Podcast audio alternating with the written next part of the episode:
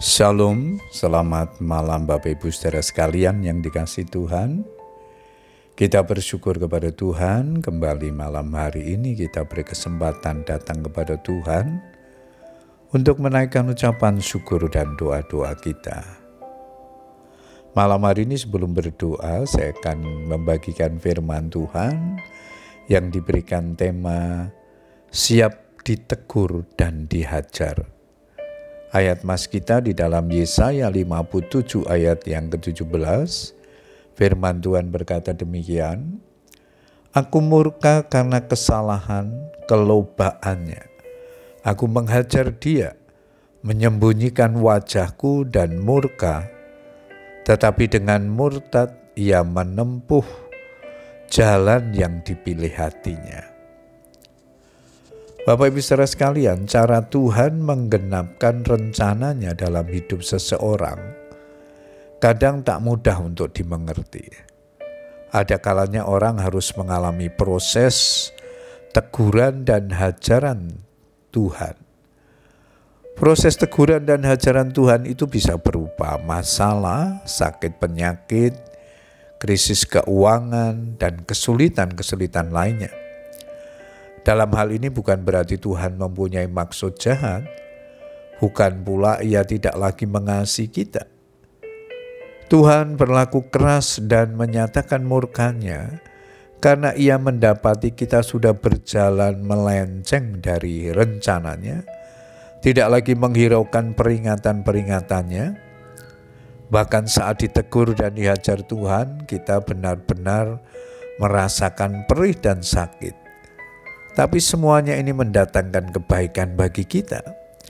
Sebab Tuhan menghajar orang yang dikasihinya dan menyesah orang yang diakuinya sebagai anak. Ibrani 12 ayat yang ke-6. Adakah Bapa di dunia ini akan diam saja ketika melihat anak-anaknya nakal? Bila tak bisa ditegur dengan cara halus, ia pasti akan menegur keras dan kalau perlu menghajarnya. Meski saat mengajar anak-anaknya, Bapak harus menahan tangis di dalam hati. Tuhan tahu yang terbaik untuk hidup anak-anaknya. Tuhan menegur dan menghajar kita karena Dia tidak menginginkan kita binasa. Di balik teguran dan hajarannya, Tuhan punya rencana yang terbaik, yaitu supaya kita benar-benar menjadi ahli warisnya yang kelak hidup memerintah bersama Tuhan di surga. Jelas sekali bahwa tujuan Tuhan menegur dan menghajar agar supaya kita tidak menjadi anak-anak gampang. Ibrani 12 ayat yang ke-8. Begitu pula Tuhan menegur dan memperingatkan bangsa Israel, umat pilihannya, karena mereka telah meninggalkan Tuhan bahkan beribadah kepada ilah lain padahal mereka telah mengecap kasih dan kebaikan Tuhan. Ulangan 32 ayat 21 di sana dikatakan, mereka menimbulkan sakit hatiku dengan berhala mereka. Sebab itu aku akan membangkitkan cemburu mereka dengan yang bukan umat dan akan menyakiti hati mereka dengan bangsa yang bebal. Karena itu Tuhan harus mendisiplin mereka agar mereka terhindar dari bahaya dan malapetaka. Teguran dan hajaran Tuhan sering menimbulkan persepsi yang salah dalam diri kita. Padahal di balik semuanya itu Tuhan punya rencana yang indah untuk kita.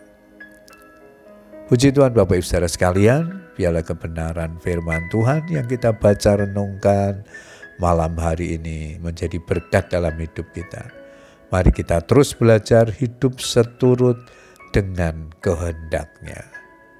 Selamat berdoa dengan keluarga kita. Tuhan Yesus memberkati. Amin.